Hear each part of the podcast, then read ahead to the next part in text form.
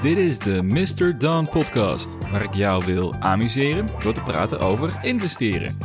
Mijn naam is Jasper, leuk dat je weer luistert naar deze aflevering.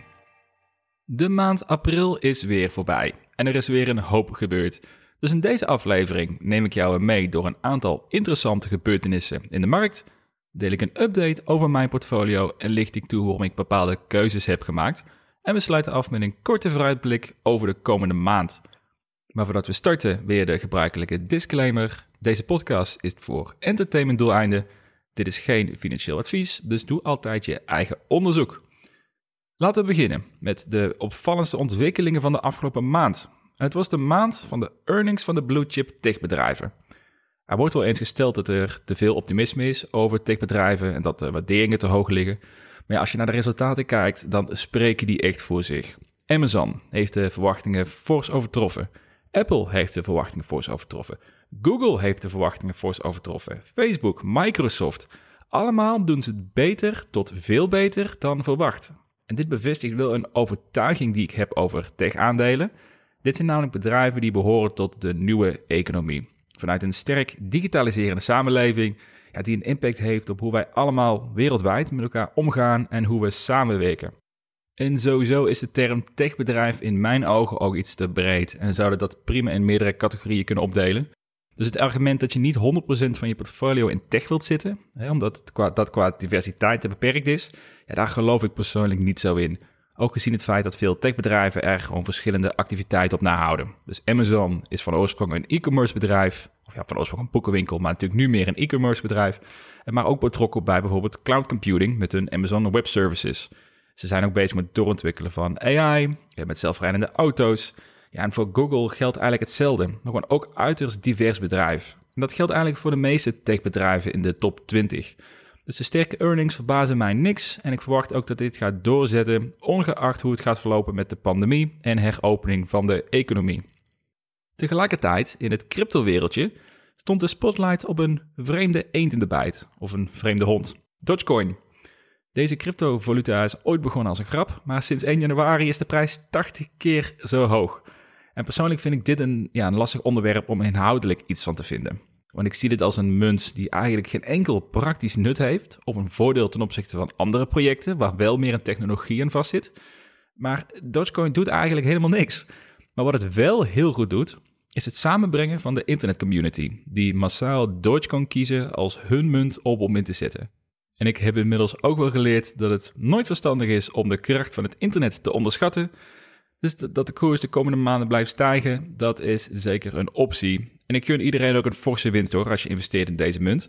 Maar voor mij is dit wel een teken om iets terughoudender te gaan worden met mijn cryptocurrency investeringen in de komende periode. Maar daar vertel ik straks meer over als we gaan kijken naar mijn portfolio. En laten we daar maar gewoon meteen een, een blik op gaan werpen. Want qua resultaten was april niet zo spannend. Dus mijn aandelenportfolio is iets gedaald en mijn crypto-investeringen zijn iets gestegen, waardoor onderaan de streep de maand april is afgesloten met een rendement van 0,1%. Ja, dus optimistisch bekeken, we hebben een positief rendement behaald. Dus daarover heb ik eigenlijk weinig uh, spannends te melden. Uh, maar wat wel interessant is, is om te kijken naar de inhoud van mijn portfolio, want dat is wel degelijk veranderd in de afgelopen maand. Om te beginnen met mijn aandelenportfolio. Dat bestaat nu uit zeven bedrijven. En dan van de grootste allocatie naar de kleinste is dat Canoe, dat is nog steeds mijn grootste holding, Volta Charging, Desktop Metal, Lucid Motors, Momentus. Dat zijn allemaal de bekende namen als je mijn podcast vaker geluisterd hebt. Eh, maar daarbij zijn nu ook twee nieuwelingen gekomen, Teladoc en Pinterest. Om te beginnen met mijn grootste holding Canoe. Dat blijft met 35% de grootste speler in mijn portfolio. Zij hebben hun eerste earnings report gehad eind maart en dat heeft de boel wel behoorlijk opgeschud. Dus in het kort hebben ze ervoor gekozen om te pivoteren, oftewel een andere strategie gekozen die ze uh, waarschijnlijk interessanter vinden voor de toekomst. En een aantal aspecten vanuit hun oorspronkelijke businessplan zijn daardoor minder belangrijk geworden of zelfs volledig geschrapt. En hierdoor is het vertrouwen wel behoorlijk geschaad in, uh, in Canoe vanuit beleggers, met een flinke dip in de koers tot gevolg. Ik persoonlijk vertrouw nog steeds in de potentie van het bedrijf, maar de risk-reward is wel echt anders geworden. Het is nu meer een investering dat of maal 10 gaat in de komende jaren, of naar nul. En dat terwijl voorheen de situatie ook redelijkerwijs was dat het een prima investering zou kunnen zijn voor een paar jaar met gewoon een, een prima of bovengemiddeld rendement. Maar die situatie is nu dus wel iets anders geworden. Het is nu een meer een alles of niets investering. Dus met 35% heb ik een, een, een forse positie, een behoorlijk risicovolle investering. Maar ik ben niet bereid om te verkopen op dit moment. Want mijn geloof in de technologie is nog steeds hoog. Maar tegelijkertijd heb ik ook besloten om niet meer te gaan bijkopen. Totdat ik bewijs zie dat hun ideeën ook daadwerkelijk in de praktijk gebracht kunnen worden. Dus ik denk wel, als je nog niet geïnvesteerd hebt in Canoe en je vindt een interessante technologie, dat de risk-reward wel heel gunstig ligt nu voor investeerders. Maar voor mij persoonlijk, met 35% positie, is het echt wel even compleet.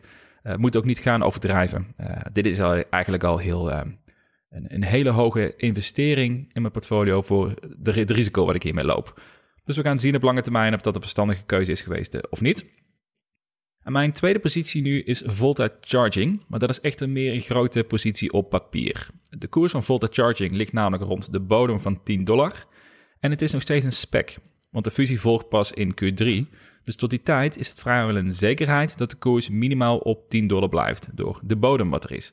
Vandaar dat ik mijn restbudget niet op een spaarrekening heb gezet, maar heb gebruikt om volledig in Volta Charging te investeren. Dus als ik een mooie koopkans zie bij een ander aandeel, dan haal ik dat weer uit de Volta, Charging spaarpot. En als tussendoor de koers stijgt, dan profiteer ik daar ook gewoon flink van mee. Dus ook hier geldt weer, de risk-reward is uitstekend. Mijn maximale downside is zo'n anderhalf procent, dat hij nog verder kan dalen. Maar de potentie en de groei ervan is vele malen hoger. En dat blijft ook de strategie waar ik voornamelijk naar kijk als ik investeringen doe. Risk-reward, hoeveel meer kan het stijgen ten opzichte hoeveel kan ik verliezen. Ja, en dit is daarin gewoon een hele, nou, ik denk een verstandige zet om, om je cashpositie die je nu toch in de zaak had hebt laten staan, om die te investeren in een spec waar je weinig op kunt verliezen, met een beperkte downside, maar wel met de potentie om er veel op te kunnen verdienen in de komende periode als de koers positief wordt beïnvloed. Als we kijken naar mijn transacties van de afgelopen maand, dan zien we ook twee nieuwelingen in mijn portfolio: Teladoc en Pinterest. Beide staan in mijn top 30 aandelenlijst, die je kan vinden op mrdon.nl. Dus dat zijn bedrijven waar ik graag onderdeel zie uitmaken van mijn lange termijn portfolio. En beide aandelen zijn behoorlijk in koers gedaald in de afgelopen weken. Vandaar dat ik een goede kans vond om een starterspositie te openen van een paar procent. Dus om daar eens dieper op in te duiken, Teladoc heb ik gekocht voor een gemiddelde prijs van 176 dollar. Dat is zo'n 40% onder het hoogtepunt in februari, toen vrijwel alle groeiaandelen op een, uh, op een hoogtepunt stonden. Reden voor de koersdaling is doordat hun earnings per share lager waren dan verwacht. En dat heeft te maken met de overname van Livongo, waar simpelweg hoge integratiekosten tegenover staan en daarnaast ook beloningen in aandelen zijn uitbetaald. Dit heeft allemaal impact op de earnings. En ondanks dat hiermee een powerhouse in het telehealth domein is gevormd, vinden beleggers het schijnbaar een teken om te verkopen. Ja, mijn reden om te kopen is juist dat Teladoc zo'n enorme voorloper is binnen dit domein, terwijl het ook nog vol in een groeifase zit. Ook worden hun producten enorm gewaardeerd door gebruikers, wat blijkt uit een hoge NPS-score, wat een soort klantentevredenheidsonderzoek is. Dus je hebt hiermee een best-in-class bedrijf die het afgelopen jaar is verdubbeld in omzet en ook het komende jaar verwacht te verdubbelen naar 2 miljard dollar omzet per jaar. Het is simpelweg een bedrijf die ik graag voor minimaal 5 jaar wil bezitten, dus ik ben blij dat ik kon kopen rond deze koers. En in de komende maanden wil ik deze positie ook verder blijven uitbouwen als de koers rond hetzelfde niveau blijft of als het verder daalt. En ik heb trouwens een uitgebreide analyse geschreven over Teladoc op mrdon.nl mocht je mijn volledige beweegredenen willen weten om te investeren. En naast Teladoc heb ik ook mijn eerste liefde terug in het portfolio, Pinterest. En dit aandeel was mijn eerste gouden aandeel, zo genoemd omdat ik hier een grenzeloos vertrouwen in heb. Destijds stond het aandeel nog rond de 15 dollar. Maar toen zat ik zelf nog in een fase dat ik dacht dat, ik de markt kon timen. Dus ik kocht rond 15 dollar en verkocht voor 10% hoger. En dat ging een paar keer goed. Totdat Pinterest doorbrak naar de 30 dollar en nog meer dan dat. Ja, toen was mijn kans verkeken en kreeg ik het ook mentaal niet voor elkaar om opnieuw het aandeel te kopen, ondanks mijn vertrouwen eh, voor de lange termijn in dit bedrijf. En het bedrijf is in die tussenperiode uitstekend blijven groeien met een sterke omzetgroei en onder andere meer een, uh, een samenwerking met Shopify, wat een fantastische match is met hun platform. En de afgelopen maanden is de koers wat volatiel. Met eerst de gebruikelijke koersdaling van alle groeiaandelen in februari, waar Pinterest ook in meegegaan is. En dan volgde al snel een prima herstel, maar inmiddels staat de koers weer rond de 66 dollar na hun recente earnings report. De reden van de daling is doordat Pinterest minder groei in gebruikers heeft dan verwacht en dit jaar verwacht stabiel te blijven. En beleggers zijn bang dat dit betekent dat de groei uit het platform is. Maar dat is volledig verkeerd. De groei zit namelijk in het beter monetizen van de gebruikers die het al hebben. Zoals vergelijk, Pinterest weet hun Amerikaanse gebruikers aardig te gelden te maken. Dus zij verdienen zo'n 4 dollar per kwartaal aan iedere gebruiker. Internationaal is het echter slechts 26 dollar cent. En dit komt omdat Pinterest de Amerikaanse markt gebruikt om hun advertentiemogelijkheden als eerste uit te rollen en te fine-tunen. En pas als dat perfect is, dan komen andere landen aan de beurt. En dit past ja, uitstekend bij de filosofie van de CEO Ben Silberman. Eerst perfectioneren, dan pas uitrollen in massale schaal. En in plaats van veel techbedrijven, die doen eerst lanceren en dan bijsturen. Pinterest is veel meer het, type bedrijf die een perfect product op wil leveren en dan pas beschikbaar wilt maken. Oftewel, zodra Pinterest tevreden is over hun manier van monetizen in Amerika, dan gaat het uitgerold worden naar Europa, uh, Latijns-Amerika. Ja, en er ligt een enorme groeipotentie qua omzet. Dus 80% van de gebruikers komt nu namelijk van buiten de VS. Dus als het Pinterest lukt om de gemiddelde verdiensten per gebruiker internationaal van 26 dollar cent te verdubbelen, wat nog steeds een lage omzet per gebruiker eh, zou zijn, is 1 achtste wat ze nu doen met, eh, met Amerikaanse gebruikers, ja, dan gaat hun omzet direct als raket omhoog. En dat is het perspectief van Pinterest. Zonder dat zij dus aantal gebruikers hoeven te groeien, kunnen zij hun omzet 2 à 3 maal tot wel hoger maken als zij uh, op het moment dat zij hun internationale monetizing op orde krijgen. Ja, dus beleggers die nu Pinterest verkopen omdat ze bang zijn dat het de domein geen, geen groei meer maakt in aantal gebruikers, ja, die hebben niet echt een volledig idee bij wat dit bedrijf is en doet en hoe ze hun geld verdienen. En dat is dus een kans voor beleggers die wel begrijpen hoe het platform en hoe het bedrijf werkt. Dus ik heb hier alle vertrouwen in en ik ben blij om een positie te kunnen openen rond de 67 dollar. Het is geen goedkoop aandeel en ik had oorspronkelijk liever rond de 60 dollar een positie geopend. Maar ik heb ook wel geleerd dat het beter is om nu een kleine positie te openen en uit te breiden als de koers blijft dalen, ja, dan het risico lopen om nooit meer een positie te openen. En uiteindelijk is het beter om een goede prijs te betalen voor een uitstekend bedrijf dan een lage prijs voor een oké bedrijf. Maar ik hoop de komende periode wel mijn positie flink te kunnen, te kunnen uitbouwen in Pinterest. Afsluitend heb ik mijn positie in Iron Source tijdelijk verkocht, zodat ik meer kon investeren in voornamelijk desktop metal. Iron Source heeft nog een aantal maanden te gaan als spec en is erg rijk gewaardeerd, maar ik vind het wel een interessant bedrijf. Dus ik zou hoogstwaarschijnlijk op een later moment alsnog een positie openen. Maar de koersdaling van Desktop Metal kan ik niet zomaar laten passeren. Dus daar heb ik vervolgens bij gekocht. En dat mag je officieus ook mijn tweede grootste positie noemen. Als je de opgeblazen positie van Voltage Charging als spaarrekening even opzij legt. en Desktop Metal, daar eh, heb ik ook echt heel veel vertrouwen in in de toekomst. Dus blij dat, dat, uh, dat ik de kans heb gehad om hier meer van bij te kopen in de afgelopen weken. En ik zal ook blijven bijkopen de komende weken als de koers opnieuw zo laag gaat. Nou, dat was mijn update voor betreft het aandelenportfolio. Als we nu gaan kijken naar mijn cryptocurrency portfolio, dan is hier ook iets gaande. Ik heb namelijk besloten om mijn allocatie in Bitcoin en crypto fors terug te brengen. Van 25% van mijn totale vermogen naar zo'n 8%. Hier heb ik drie redenen voor. Allereerst, door de forse daling van het aantal aandelen zag ik daar simpelweg een betere kans in om laag bij te kopen dus ik heb geld verschoven van crypto naar aandelen. Tweede punt is dat ik vind dat het sentiment rondom Bitcoin en cryptocurrency een tikkeltje te euforisch is het worden. Het lijkt wel alsof je geld kunt verdubbelen door een willekeurige munten te investeren. En het voelt en het lijkt alsof iedereen overtuigd is dat er hier heel veel geld op hele korte termijn mee te verdienen valt. Er is simpelweg geen gevoel meer van risico in de markt. En dat geeft bij mij het signaal dat we redelijk aan de top zitten. En voor mij blijft het altijd belangrijk om te kijken naar de risk-reward verhouding. En die staat op dit moment voor mij niet goed. Dus ik heb het gevoel dat we meer kunnen dalen dan kunnen stijgen in de komende periode. Ja, en dat betekent dat ik het niet erg vind om iets van risico eh, van de tafel te nemen. En dat betekent niet dat ik denk dat de prijzen van Bitcoin en cryptocurrency de komende maanden zal dalen. Sterker nog, uh, ten nu toe blijkt dat ik continu fout zat als ik crypto heb verkocht voor de lange termijn. Dus ik zou daar zeker niet um, zomaar mijn signaal voor gebruiken als, als reden om te kopen of te verkopen. Maar voor mij persoonlijk is dit gewoon een aanleiding dus geweest om iets minder risico te nemen. En ik steek mijn geld gewoon liever in aandelen. En het heeft ook te maken met mijn derde reden waarom ik heb verkocht. En dat is namelijk simpelweg mijn onwetendheid. over de potentie van Bitcoin en crypto. Dan moet je ook eerlijk zijn, ik beschouw het primair als een asymmetrische belegging. En dat heeft goed gewerkt. Ik heb zo'n vijf keer de investering eruit gehaald in één jaar tijd, dus dat is eh, fantastisch. Maar als je mij vraagt waarom Bitcoin zo'n belangrijke technologie is, ja, dan kom ik niet heel ver in het gesprek. En ik merk daarom ook dat ik best wel onzeker word als ik in bepaalde chatgroepen zit en lees wat de echte Bitcoin-kenners, wat die vertellen wat er allemaal speelt. Dat is super interessant om mee te krijgen en het bevestigt mij tegelijkertijd wel ook dat ik eigenlijk heel weinig weet over het domein. Ja, en dat ik mezelf eerst verder moet gaan verdiepen voordat ik weer een groot deel van mijn vermogen erin wil investeren.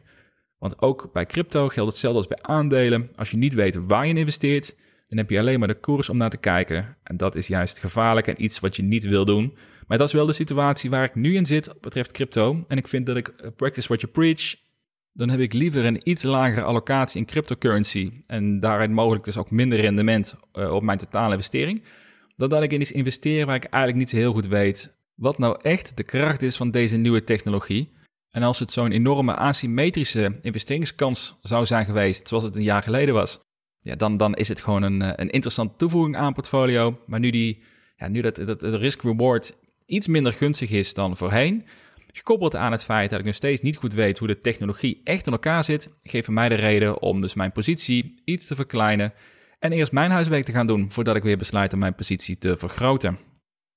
Dus ik heb ongeveer 80% van mijn crypto-investeringen heb ik geherinvesteerd in aandelen.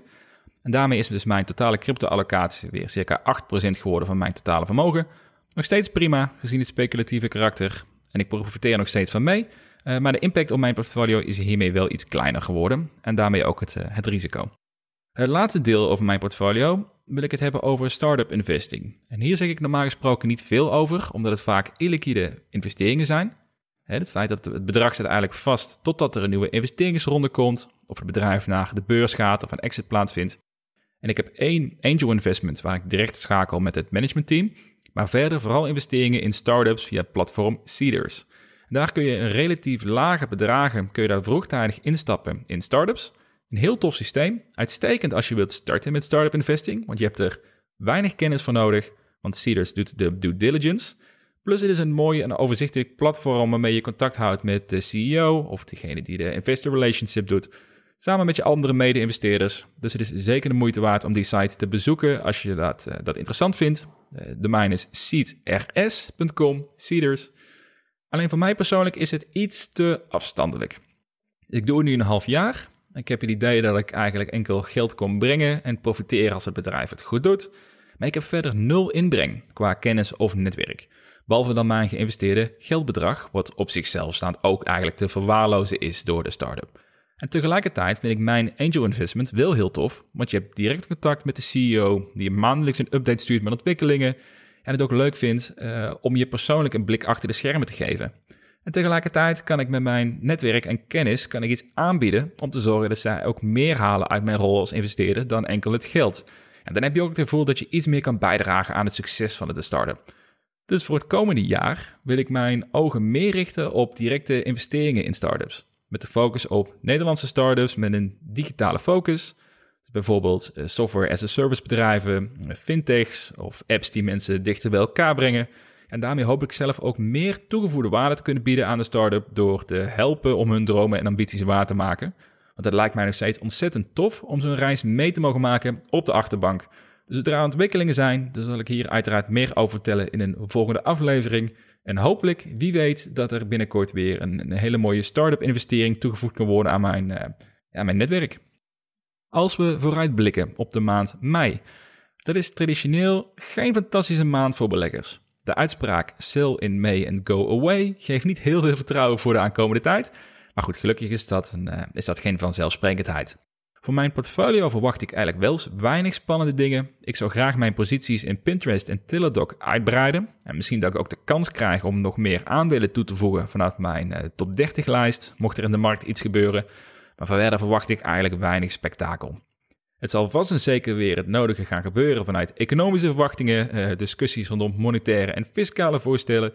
Bitcoin zal wel weer door de mangel gehaald worden bij een paar landen die financieel in de problemen zijn gekomen, maar dat gaan we allemaal wel meemaken. En daar is eigenlijk niks bijzonders mee, mee, eh, mee te melden.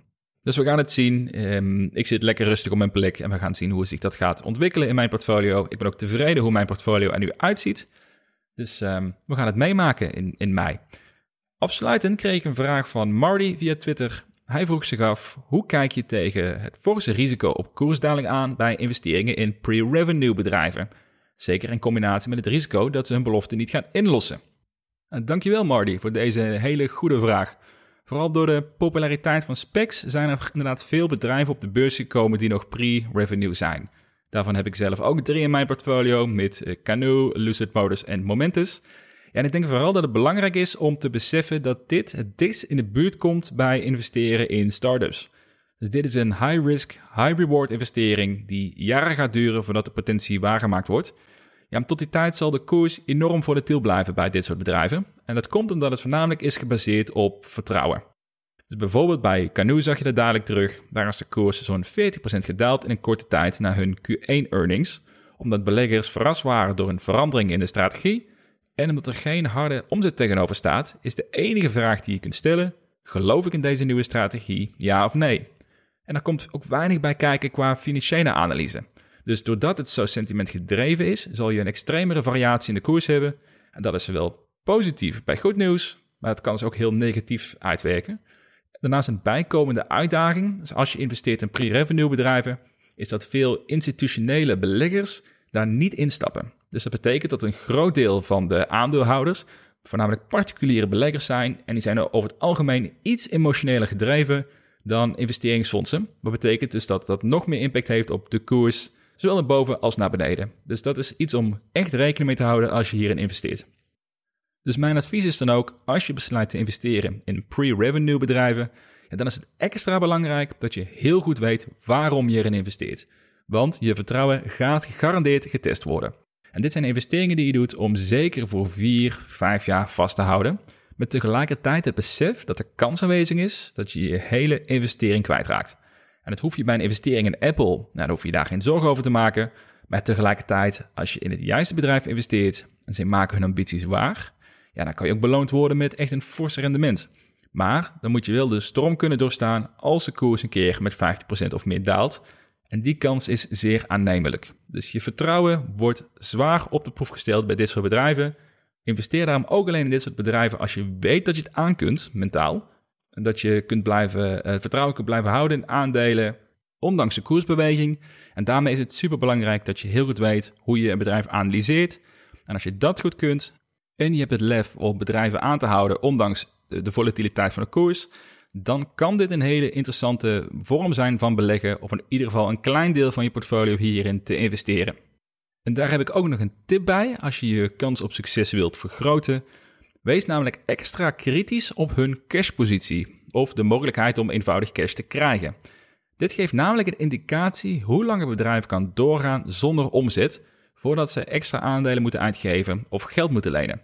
En bijvoorbeeld Canoe, vind ik een mooi voorbeeld in deze, heeft een cashpositie van 700 miljoen dollar. En ieder jaar zullen zij, pak een beet, 200 miljoen dollar verlies draaien totdat ze omzet gaan maken. Oftewel, zij kunnen met dit budget kunnen zij drie jaar uitzingen met een huidige cashpositie voordat ze in de problemen komen. Naar verwachting wordt in het tweede halfjaar van 2022 de eerste paar auto's opgeleverd. Er komt in 2023 de massaproductie op gang. Oftewel, Canoe heeft genoeg cash om de komende periode te doorstaan voordat ze omzet gaan maken. En dat is een geruststellende gedachte. Want als Canoe slechts 100 miljoen euro, eh, dollar cash zou hebben, dan zou dat betekenen dat zij extra geld moeten ophalen voordat ze omzet gaan realiseren. Dat betekent een hogere kans dat ze extra aandelen moeten uitgeven, waardoor jij als aandeelhouder diluted wordt, dat ze geld moeten lenen, of in het ergste geval dat ze zelfs failliet kunnen gaan. Dus ik zou hier heel serieus naar kijken als je gaat investeren in pre-revenue bedrijven, hoe dat ervoor staat. En dan geef je jezelf weer een extra check om te weten dat je de juiste investeringen doet. Ik hoop dat dit jouw vraag beantwoordt, Marty. Nogmaals dank voor, uh, voor de aanzet. En als jij zelf vragen hebt die je graag zou willen beantwoord zien in een podcast, laat het mij weten via Twitter of Instagram via de naam MrDonNL of laat een berichtje achter op MrDon.nl. En als je de hashtag MrDonPodcast gebruikt, dan weet ik ook dat jij jouw vraag graag beantwoord ziet worden in een podcastaflevering. Tot dusver deze aflevering. Een complete terugblik op de maand april. Lekker uitgebreid deze keer. Ik hoop dat je een leuke aflevering vond. Bedankt voor het luisteren en graag tot de volgende keer.